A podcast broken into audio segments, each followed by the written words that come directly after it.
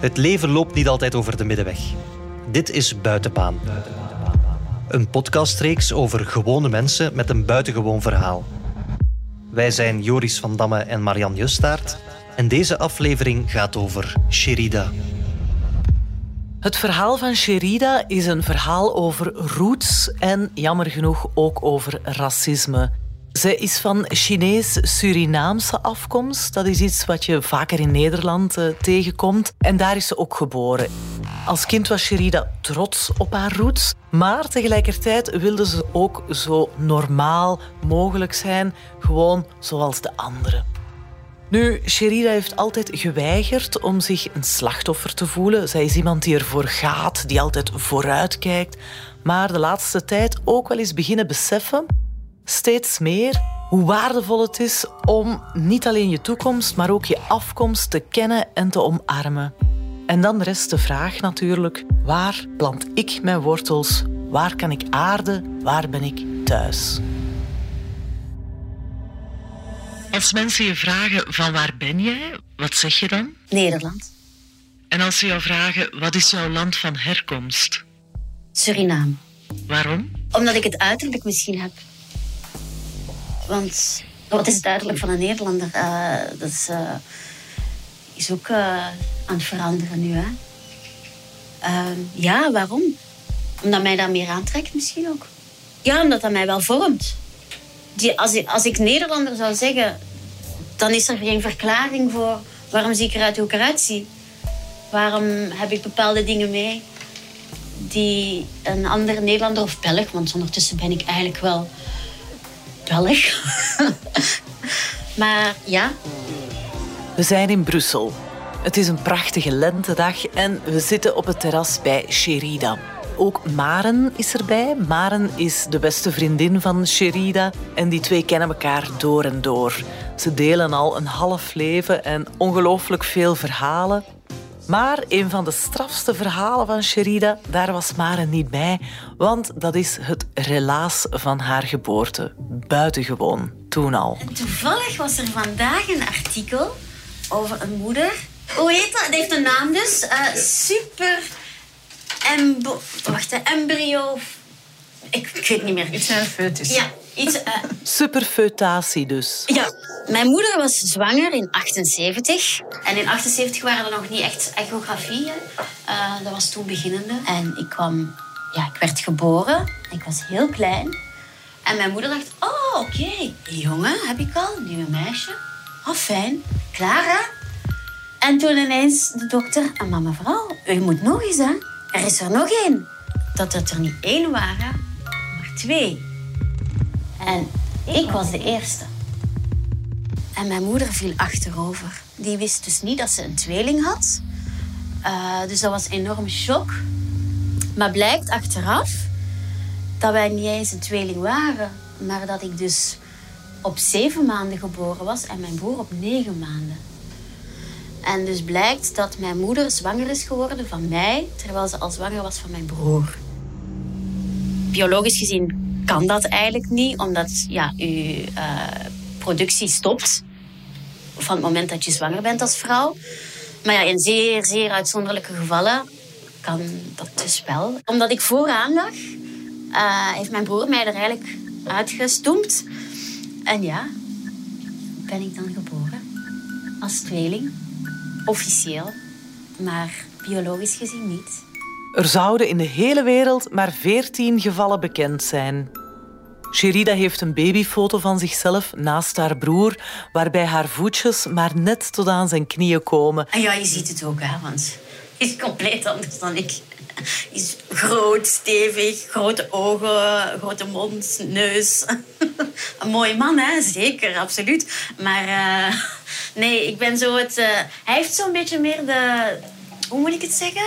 De Indische uh, um, ja, looks. En ik heb zo meer de Aziatische Chinese looks. Haar looks komen niet uit de lucht vallen. Ik heet Sherida Tayapin, 42 jaar. Sherida Tayapin.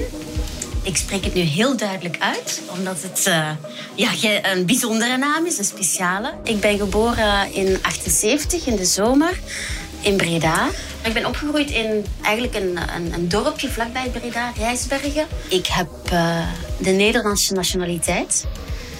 En mijn moeder is Nederlandse, van Vlissingen. En mijn vader is Surinamer. En hij heeft een Chinese vader en een Creoolse moeder. En binnen de familie van mijn grootvader, mijn opa, die van China kwam, zit ook nog een link naar India. Ik denk van mijn vijf jaar tot mijn elf jaar heb ik daar gewoond, vlakbij Breda. En dat was heel aangenaam. Hoewel dat wij wel de enige buitenlandse familie waren daar, met een andere huidskleur, laat ik het zo stellen, dat niet onopgemerkt is gebleven. Ja, was, was, was anders. Omdat ik ook op zeer jonge leeftijd confronteerd met, met racisme. En bijna dagelijks uh, ons traject van school uh, naar huis een jongen tegenkwamen. Die wachtte ons op op het speelpleintje, daar onderweg naar school, die wij, dat, dat wij tegenkwamen. En die sloegen ons in elkaar, eigenlijk altijd, mijn broers en ik. Um, en op een bepaald moment, uh, ja, dat werd gewoon te veel. We vertelden daarover thuis. Heeft mijn vader een boksbal in de living gehangen. We hebben leren vechten. Hoe oud was ik? Zeven, acht jaar of zo.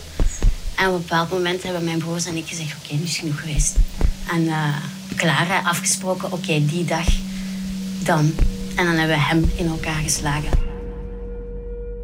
Niet oké. Maar dat was de enige manier. Je kon je verhaal niet kwijt, niemand begreep dat. Uh, je durfde dat ook niet vertellen. Uh, je schaamde je eigenlijk. Um, en ja, toen hebben we dat op die manier opgelost. En het heeft gewerkt. Die ouders zijn toen die avond wel bij de deur komen aanbellen. Mijn vader heeft gewoon de deur dichtgesmeten en niks gezegd. De vraag die haar met voorsprong het meest gesteld wordt is... Waar kom je vandaan? Ja, dat begint al eh, met mijn naam eigenlijk. Hè. Uh, ja, je wordt Frida genoemd aan de telefoon. Uh, ja, de mensen begrijpen nu eigenlijk niet van... Huh, wat, voor naam heb jij? Dan zeker mijn achternaam. En vroeger ook heel veel mee gepest geweest eigenlijk met mijn achternaam. Je had in Nederland de, de traditie om met Sinterklaas van die tai-tai-popjes te eten. Dat is zo, ik weet, is met anijs of iets dergelijks. En ja, zo noemden ze mij dan. Hè. En ja, heeft er eigenlijk altijd in gehakt. En uh, heb ik mijn naam nooit mooi gevonden en nooit uh, echt volledig kunnen accepteren of zo. Omdat het zo anders is en zo speciaal. En je bent dan... Ja, hoe moet ik het zeggen? Uh, ja, je bent dan speciaal. En dan moet je dan iedere keer een uitleg geven. En daar heb je niet altijd zin in. Van neem mij gewoon voor wie ik ben, punt. Dat maakte dat ik eigenlijk mijn verhuis naar België, keek daar naar uit. Omdat ik dacht van, hopelijk is dat een nieuwe start. Kan ik opnieuw beginnen en, en word ik niet als, aanzien als het buitenlandse meisje met uh, andere origine. En zou ik opgenomen worden ja, in, de, in de samenleving als gewoon een jong kind dat ook vooruit wil. 89. Uh... In 1989 verhuizen Sherida, haar broers, haar vader en zijn tweede vrouw naar Tervuren bij Brussel. De biologische moeder van Sherida en haar broers blijft in Nederland wonen. Sherida komt vervolgens op een internationale dus school uh, terecht. Heel fijn om daar naar school te kunnen gaan. En daar voelt ze zich meteen als een vis in het water. Want... Ja, iedereen kwam over van uh, ergens anders. Mensen uit Afrika, uit Azië. Uh, ik was eigenlijk de bijzonderste in de zin van dat ik Nederlands sprak. Ik zat op een school in België, maar ik sprak wel de taal van het land. Ja, dus dat was uh, op dat vlak ook wel leuk, want dan werd ik ingezet uh, om te tolken. Als mensen van, van, van buitenaf uh, ja, komen spreken over bepaalde zaken of zo. Buiten de schoolomgeving was Tervuren, zeker in die tijd, een pak witter. Ik ben in de fanfare beland, van Duisburg dan. Waardoor dat ik veel Vlaamse jongeren heb leren kennen. En die uiteindelijk ook goede vrienden geworden zijn. En daar merkte je dat, ja, dan ging je naar Fuiven. En daar merkte ik wel op van, hmm, ik ben hier wel de enige met een ander kleurtje. Behalve er was nog één Indisch meisje die ik mij herinner. Sherida trekt naar Brussel om er te studeren en daar leert ze Maren kennen. Bij het ingangsexamen op Sint-Lucas hebben we elkaar leren kennen. Nu een twintigtal jaar geleden, denk ik. ja, ja, ja. Maren die via vaderskant Nederlands-Indonesische roots heeft. Het klikt direct. Ik denk dat wij gewoon eh, elkaar zagen. Je kent niemand. En dat is pas later dat dat een beetje naar boven is gekomen. Hè? Dat jij Indonesische roots hebt. Ik denk niet dat we daar onmiddellijk eh, over spraken of zo. Of herinner jij je het anders? Ik heb een andere herinnering. Echt? Ja. Ah. We, zijn- we hebben het daar precies nog nooit we hebben er nog nooit over gehad, eerlijk gezegd. In mijn herinnering zit dat, dat wij elkaar inderdaad zagen tijdens het wachten op dat ingangsexamen. Dat wij in gesprek waren, dat ik jouw Nederlands accent herkende. En dan checkte van, oké, van waar kom jij? Dat jij dan zei Breda. En dan zei ik, ah, mijn vader is ook van Breda. Als mensen je vragen van waar ben jij, wat zeg je dan? Ik ben Belg, En als ze jou vragen wat is jouw land van herkomst, Indonesië. waarom? Maar ik denk dat dat inderdaad is waar voel je je het meest toe verbonden of wat interesseert u het meest. En daarom dat ik dan zo gemakkelijk Indonesië zeg. Hè, omdat dat hetgeen is, ja... Misschien zeg ik dat ook omdat ik daar trots op ben. En omdat ik dat fijn vind, dat ik dat er dan ook bij kan zeggen of zo. Je hebt wel een beetje een Indonesisch haar. Is dat zo? Ah ja? Toch van een zijde zacht, donker. Dun. Mijn broer en mijn zus die hebben krullen. Die hebben donkere krullen. Ik, ben, eh, ik lijk meer op mijn moeder. Zo qua, mijn, mijn broer en mijn zus zijn ook donkerder qua huid. Daar ben ik altijd jaloers op geweest.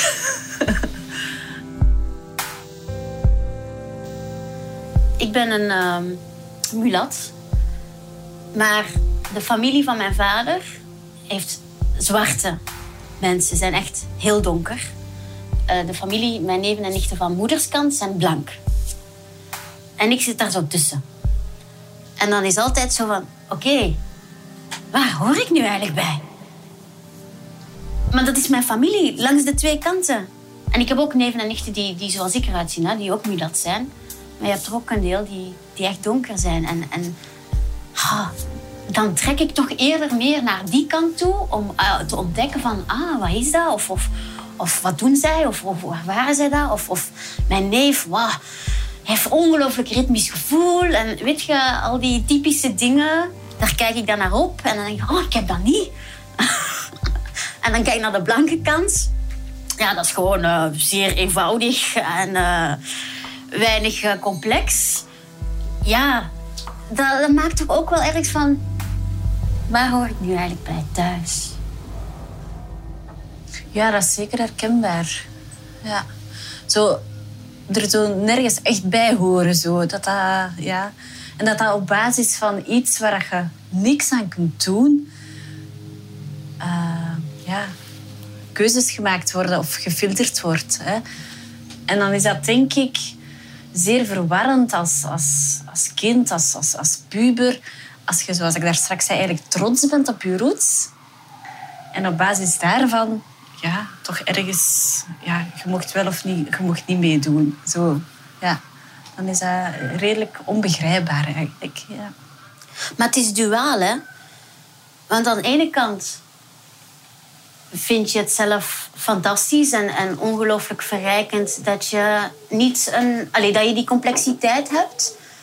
Maar langs de andere kant streef je er ook wel naar om, om in te passen, om ehm, erbij te horen en niet als speciaal gezien te worden. Dus dat is, eh, ja, dat is een dualiteit ja, die, die wel opborrelt. En waar je, als je erbij stilstaat, toch wel over moet nadenken van... Hoe heb ik eigenlijk mijn plek gevonden? Heeft dat te maken met al die geschiedenis van toen?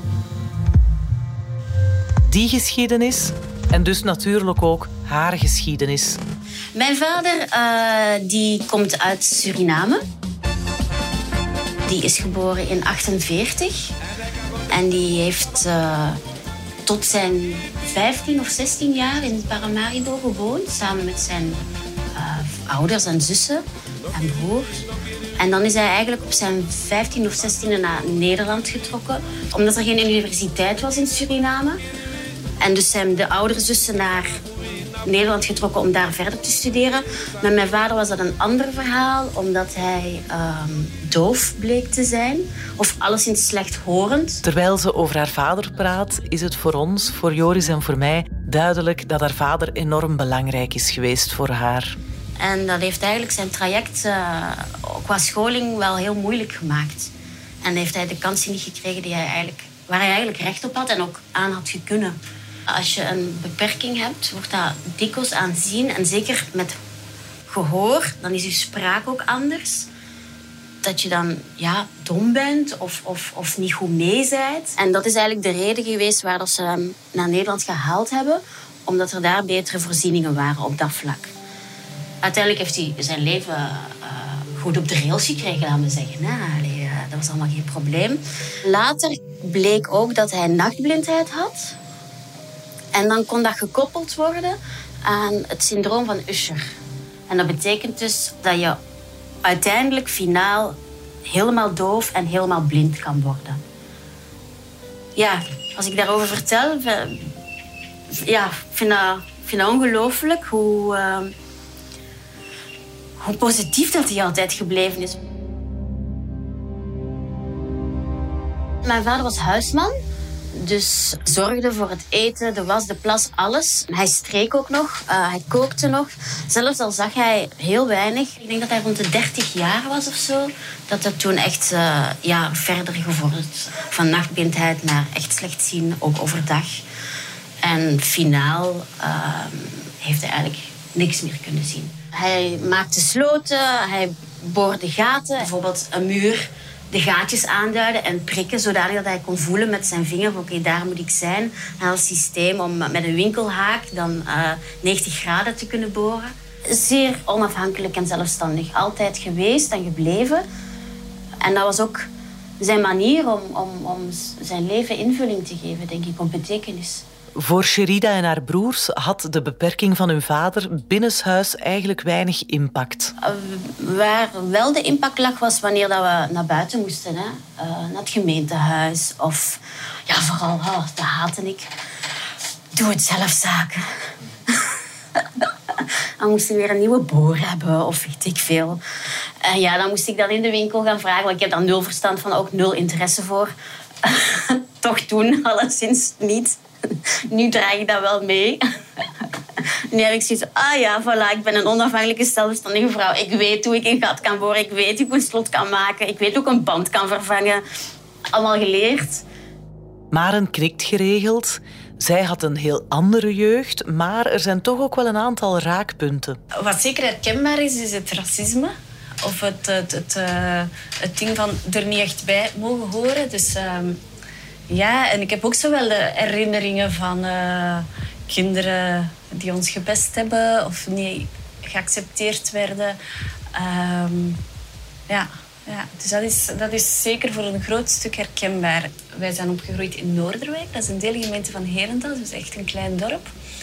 Uh, en mijn vader was ook de eerste buitenlander die daar uh, neerstreek.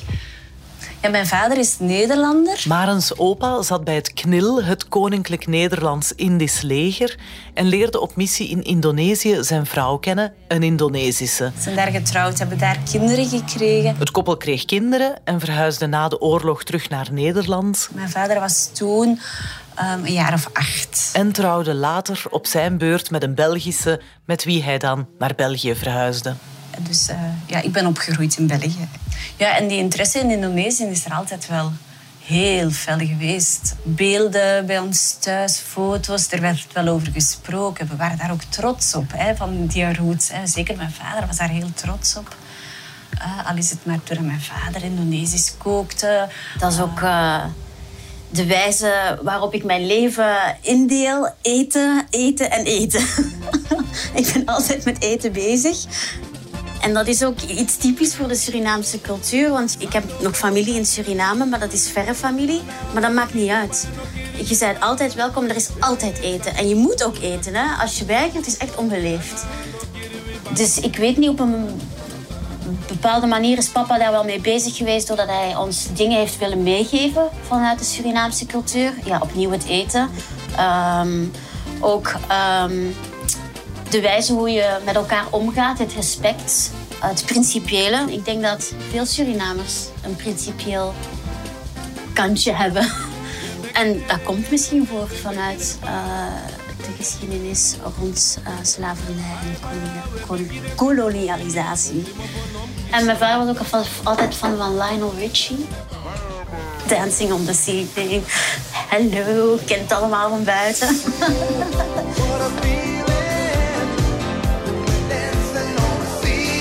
De interesse in hun geschiedenis is groot. En die zuigt hen op een gegeven moment ook fysiek naar het land waar hun roots liggen. Na het middelbaar uh, ben ik een jaar naar Indonesië gegaan. Echt zo de insteek van ja, enerzijds niet goed weten wat ik wou studeren, maar anderzijds ook zeker van ik, ik wil dat kennen, ik wil weten van waar ik kom. Ik, ik, ik ben daar benieuwd naar.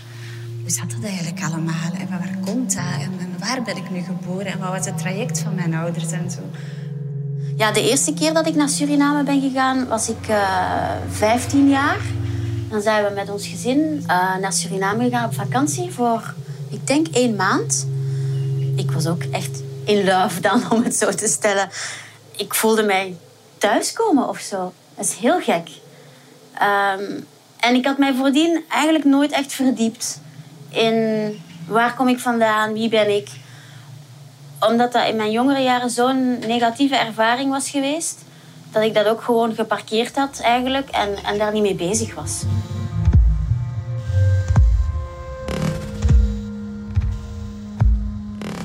Eigenlijk weten we soms zo weinig over onze eigen geschiedenis. Hè? Echt zo weinig. Omdat het ons nooit verteld geweest is. Het zijn ook moeilijke verhalen, hè? Denk ik. Maar de laatste tijd is er veel aan het veranderen. The brutal death of George Floyd.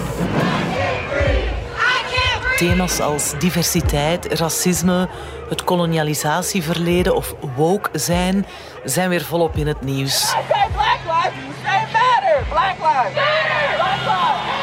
Ja, het is ook misschien een beetje door die uh, Black Lives Matter beweging dat wij de laatste paar maanden met elkaar daarover aan het praten zijn. En dat wij dus ook ja, onze geschiedenis, onze ervaringen en, en waar komen we vandaan en heeft dat effectief een impact op hoe dat wij in het leven staan of welke beslissingen of keuzes dat je maakt of hoe je benaderd wordt. Ja, blijkbaar is mijn familie daar ook altijd wel mee bezig geweest, want de ouders van mijn opa, de, de, de vader komt uit China en is, had een, uh, een mijnexploitatie of iets dergelijks. En zijn dan eigenlijk onderweg naar het uitdelen van, van het geld geronseld geweest. En op een schip gezet vanuit Shanghai om naar Suriname, Paramaribo gebracht te worden en als slaaf te werken. Dus zo belandde de familie Tai Apin in Suriname via de overgrootvader die uit China kwam. Trouwens, Sherida's overgrootmoeder... Die kwam uit India. Die kwam in 1873 in Paramaribo toe om er te werken als contractarbeidster. Maar dat was toch, uh, toch ook een vorm van slavernij destijds.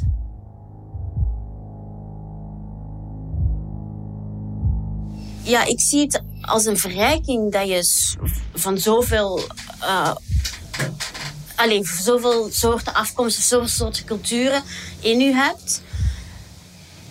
Maar dat wordt niet door iedereen zo bekeken. En dat vind ik wel heel jammer. En daarom, alleen al op dat punt vind ik dat een strijd waard. Van, staat dat nu eens gelijk? Waarom moet er altijd dat verschil zijn? En ja, je wilt begrijpen waar dat vandaan komt dan. Want ik kan als buitenlands meisje dan, of buitenlandse vrouw ondertussen, dan nog altijd niet snappen waarom mensen daar moeilijk over doen. In de negatieve zin, hè. Allee, dat is een beetje zo voor mij, hoe dat ik daar naar kijk. Hoewel, ik zeg het opnieuw, voor mij persoonlijk heb ik daar weinig last van.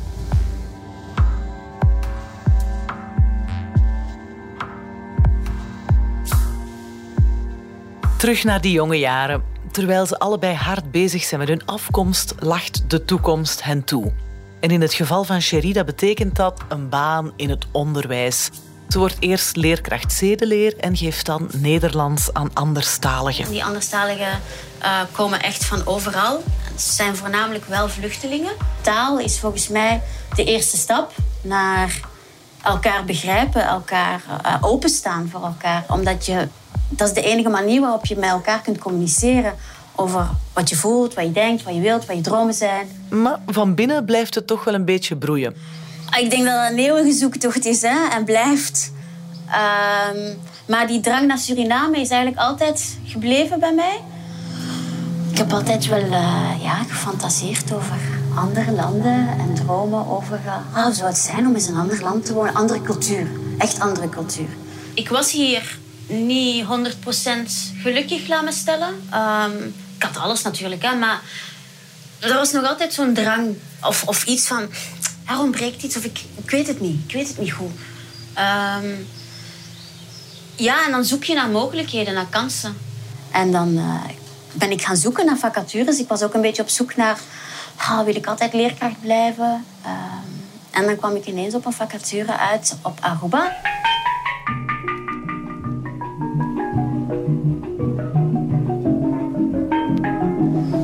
En toen kwam ik een vacature dus voor uh, Aruba tegen met een schoolreis naar Suriname. En ik dacht van, oké, wauw, de max. Dit is uh, wel iets voor mij. Ik checkte van, oké, ik voldoe aan de voorwaarden.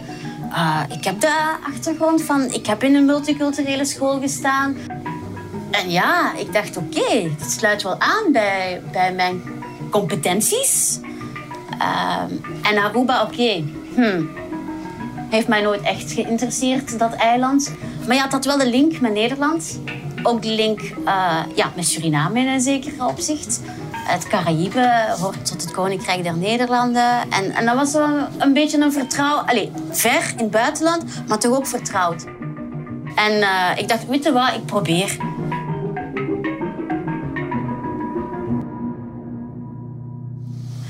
Mijn vader was al lange tijd ziek, had kanker. Um, en ik had uh, zorgverlof genomen om mee de zorg te dragen voor papa. Ja, omdat we wisten van het, het is terminaal. Uh, dat was uh, sowieso al vastgesteld geweest. En dan was dat eigenlijk uh, beter uitgedraaid dan dat we gedacht hadden. En dus werd dat zorgverlof eigenlijk niet meer zo nodig. Um, en het was ook door papa eigenlijk... Hé, hey, die vacature, moet die niet binnen zijn? Heeft mij op de valreep eraan herinnerd. Want ik was een dag later en ik had er niet bij gehoord. Dat had ik niet meegeteld. Dus eigenlijk, uh, ja, chapeau. Hoewel dat hij mij helemaal niet graag zag vertrekken. Maar uh, ja, ineens zat ik bij de laatste twee. Online gesprek. Maren uh, heeft het meegevolgd in de achtergrond. ik, ik, beschrijf haar soms ook wel... Soms zeg ik ja, fel. Vind haar soms ook echt heel fel. in haar wat ze wil en hoe ze dingen uitdrukt of waar ze voor strijdt of waar ze niet mee akkoord gaat. Ze kan heel fel zijn. Hè. Soms ben ik daar zo wel wat jaloers op. Hè. Dat ze zo, ja, zo heel duidelijk kan zeggen waar ze voor staat. Zo. Dat, is wel, dat is wel fijn. Op vakantie bij haar broer, die in Praag woont, krijgt Sherida ineens het verlossende bericht. Dat ik het had? Ik zo, oh nee, echt? Oké. Okay. wat nu? En ah ja, want uh, ik was nog met Stijn en ik wist dat Stijn niet meeging. Want ze heeft op dat moment een lief, Stijn. Uh, hoe lang waren we al samen? Ik denk drie jaar of zo.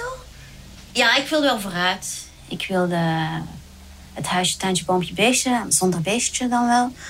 Um, en ja, hij, hij, was niet zeker. Hij kon zich daar niet over uitspreken, nog niet.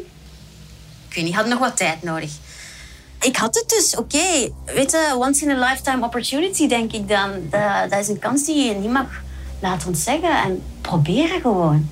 Ja, wat betekent dit voor familie, voor vrienden? Ja, dat is een moeilijke. Je bent niet alleen op deze wereld. Verantwoordelijkheden en relaties waar je rekening mee moet houden. Maar ik heb dan eigenlijk een egoïstische keuze gemaakt en echt voor mezelf gekozen.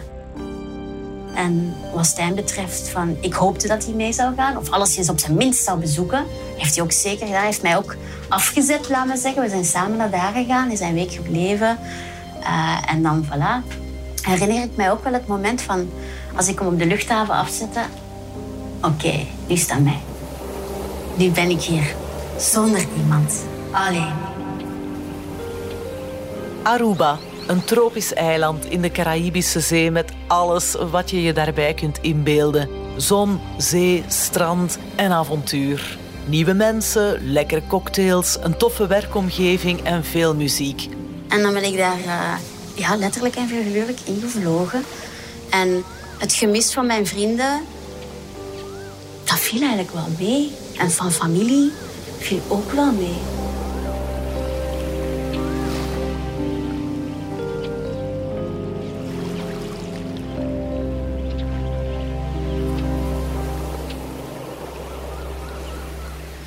En ja, mijn broer was al verhuisd naar Nederland terug. Mijn oudste broer dan. Mijn uh, tweelingbroer is naar Londen vertrokken. Om dan vanuit Londen in Praag te belanden. Iedereen zat ergens anders eigenlijk. En het feit dat ik op een internationale school heb gezeten... Uh, het feit dat ik een internationale achtergrond heb... dat zal allemaal één puzzelstuk zijn, denk ik.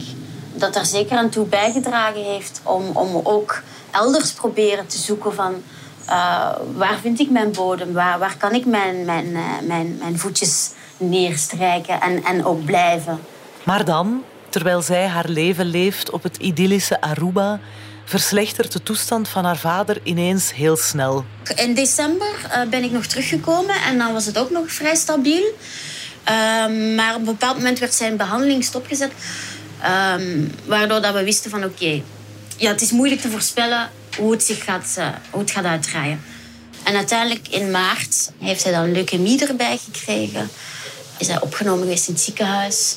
En toen zat ik al wel terug op Aruba. Mijn broer had mij gebeld. Ik had ook nog mijn papa gebeld. De week ervoor zat ik in Suriname op schoolreis.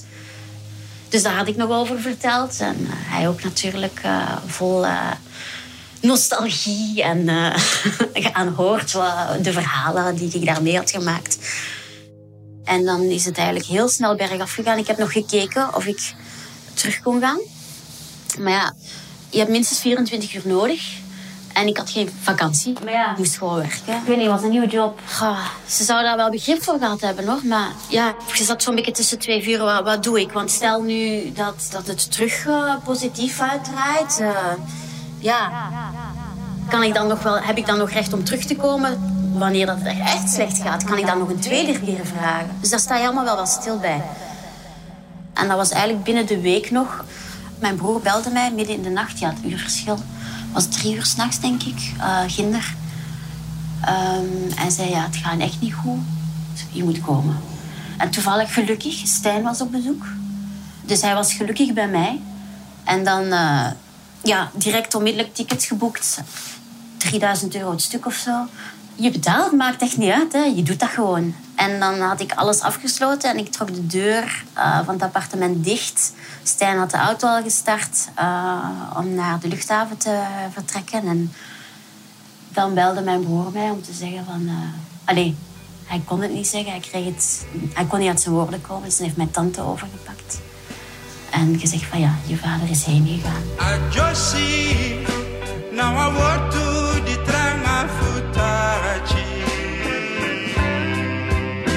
Demiluku ala de mati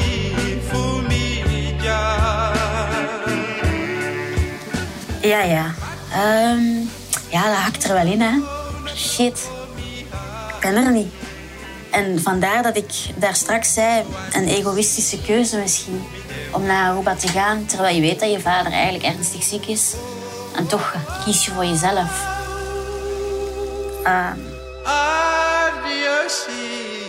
dus dat was heel moeilijk.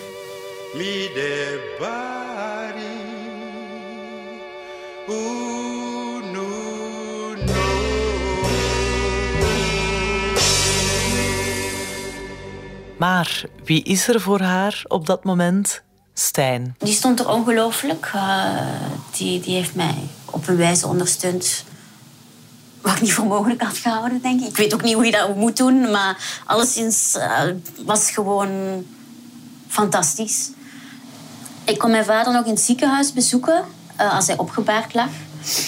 Maar mijn stiefmoeder heeft er dan voor gekozen, en samen met ons eigenlijk, om mijn vader thuis op te baren. Hij was ongelooflijk graag in ons huis. Uh, hij zag wel niet meer, maar hij kende dat huis door en door. En dat was zijn thuis. Want zij zijn op mijn 20ste, op 24ste, zijn zij naar Nederland teruggetrokken. Om dan eigenlijk, um, pakt uh, rond mijn 35ste teruggekomen. Omdat papa ziek was en eigenlijk zich het beste thuis voelde in België, in dat huis. Dus dan is hij eigenlijk drie dagen lang thuis opgebaard geweest. En dan heb ik nog met hem kunnen zitten. Uh, foto's getrokken. Zijn hand vasthouden wou ik wel, maar dat durfde ik niet. Uh, ja, en dan is dat uiteindelijk toch nog een mooi, tussen aanhalingstekens, uh, afscheid geweest. Na het afscheid van haar vader gaat Sherida terug naar Aruba, maar daar is niets nog hetzelfde. Ze voelt zich alleen en ontheemd. Mijn vader was er niet meer, Stijn was er niet. Twee belangrijke mannen in mijn leven. Ja, dan miste ik die misschien nog des te harder. Ja, ik was daar alleen. Zonder iemand. Alleen. Ik had wel drie goede vrienden gemaakt ondertussen. Maar ik merkte dat die luisterden wel naar mij hoor. En die, die, die waren heel begripvol en, en die stonden klaar voor mij. Um, maar ik kon mijn verhaal niet kwijt, echt, omdat ze mijn vader nooit gekend hebben. En langs de andere kant, ga, mijn broers, die waren allemaal zo ver. Je wou er eigenlijk ook voor hun zijn. Eigenlijk uh, het feit dat iemand overlijdt, het leven gaat verder, maar je moet dat verwerkingsproces hebben. En, en de beste manier is om dat met elkaar te delen. En als je ook voor dat stuk niet aanwezig bent, ja, dat is hard. En uh, zat ik in een serieuze dubio van... Wat ga ik doen? Ga ik nog blijven of niet? En ik wou mijn schooljaar wel uitdoen. Dan heb ik bij de directie uh, ook studeren eigenlijk. En dan uiteindelijk toch gezegd van... Oké, okay, sorry. Ik blijf niet. Ik ga terug naar België. Uh, voilà.